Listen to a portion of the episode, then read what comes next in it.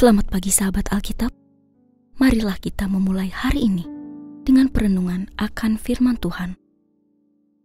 Bacaan Alkitab kita hari ini diambil dari Yosua pasal yang kedua ayat 14 sampai dengan 24.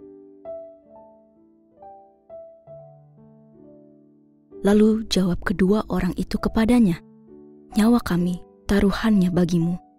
Asal kamu tidak memberitahu tentang kami ini. Ketika Tuhan nanti memberikan negeri ini kepada kami, kami akan menunjukkan kasih dan kesetiaan kami kepadamu." Kemudian perempuan itu menurunkan mereka dengan tali melalui jendela, sebab rumahnya menyatu dengan tembok kota. Di situlah ia tinggal ia berkata kepada mereka, "Pergilah ke pegunungan, supaya pengejar-pengejar itu jangan menemukan kamu. Bersembunyilah di sana selama tiga hari, sampai pengejar-pengejar itu pulang. Setelah itu, kamu dapat melanjutkan perjalananmu." Kedua orang itu berkata kepadanya, "Kami akan bebas dari sumpah kami yang kau suruh kami ikrarkan kepadamu." kecuali ketika kami memasuki negeri ini, tali dari benang merah tua ini kau ikatkan pada jendela tempat engkau menurunkan kami, dan ayah serta ibumu, saudara-saudaramu, serta seluruh kaum keluargamu kau kumpulkan di rumahmu. Setiap orang yang keluar dari pintu rumahmu harus menanggung sendiri darahnya yang tertumpah, dan kami tidak bersalah namun siapa pun yang ada di dalam rumahmu, jika ia dicelakakan, kamilah yang menanggung darahnya. Demikian pula, jika engkau memberitahukan tentang kami ini, kami akan bebas dari sumpah yang kau suruh kami ikrarkan. Perempuan itu menjawab, "Jadilah seperti yang kamu katakan." Sesudah itu, ia melepas orang-orang itu pergi lalu mengikatkan tali merah tua itu pada jendela. Mereka pun pergi dan tiba di pegunungan. Mereka tinggal di sana selama tiga hari sampai pengejar-pengejar itu pulang. Pengejar-pengejar itu telah mencari di segala lintasan jalan, tetapi tidak menemukan mereka. Pulanglah kedua orang itu dan sampai kepada Yosua bin Nun. Mereka menceritakan kepadanya segala yang mereka alami.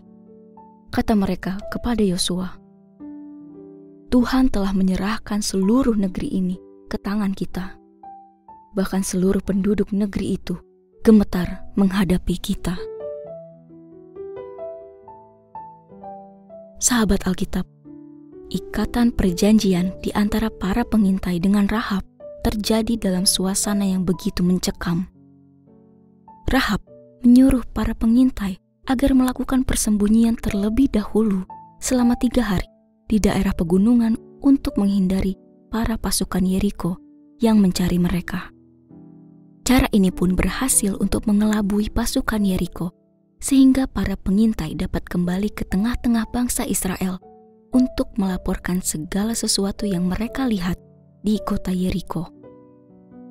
Sebagai balasan atas pertolongan Rahab, para pengintai pun menyuruh Rahab untuk menandai rumahnya sebagai cara bagi orang Israel untuk mengenal keberadaan Rahab, sehingga rumah dan segala isinya tidak menjadi target dari penyerangan yang akan dilakukan oleh orang Israel. Kedua belah pihak menyadari tentang pentingnya perjanjian tersebut bagi kehidupan mereka masing-masing, entah para pengintai maupun Rahab. Oleh sebab itu, dibutuhkan pemenuhan tanggung jawab dari masing-masing pihak untuk menjalankan perannya agar kesepakatan itu dapat berhasil. Kehadiran Rahab, iman yang ada pada dirinya, dan perjanjian dengan para pengintai Israel pun menjadi bagian dari pemenuhan dari tanah perjanjian dari Tuhan bagi bangsa Israel. Perjanjian yang muncul dalam perikop ini pun dapat kita maknai dari dua sudut pandang. Dari sudut pandang pengintai, perjanjian ini merupakan cara Tuhan untuk semakin mendekatkan bangsa Israel mengalami pemenuhan janji atas tanah yang telah lama didambakan. Kemudian, dari sudut pandang Rahab. Perjanjian ini merupakan kesempatan baginya untuk menjaga komitmen dan konsistensi imannya yang takut akan Tuhan. Rahab menyadari bahwa jika ia ingin selamat, maka dibutuhkan komitmen untuk mengerjakan perjanjian tersebut sesuai dengan apa yang disepakati. Sahabat Alkitab, firman Tuhan yang kita baca ini telah menunjukkan tentang pentingnya komitmen dan peran aktif sebagai umat Tuhan. Seperti Rahab yang menjaga peran dan tanggung jawabnya sesuai dengan perjanjian yang telah tercipta. Begitupun selayaknya kita dapat memaknai hubungan beriman kepada Tuhan yang tidak selayaknya dijalani secara sembarangan. Kita perlu memiliki komitmen dan menjalani peran secara aktif dalam setiap keputusan beriman yang kita haturkan kepada Tuhan. Pertanyaannya sekarang adalah, apakah kita sudah berperan secara aktif dalam beriman? Mari kita berdoa. Ya Tuhan, kami bersyukur atas keteladanan iman yang Kau sampaikan melalui renungan ini.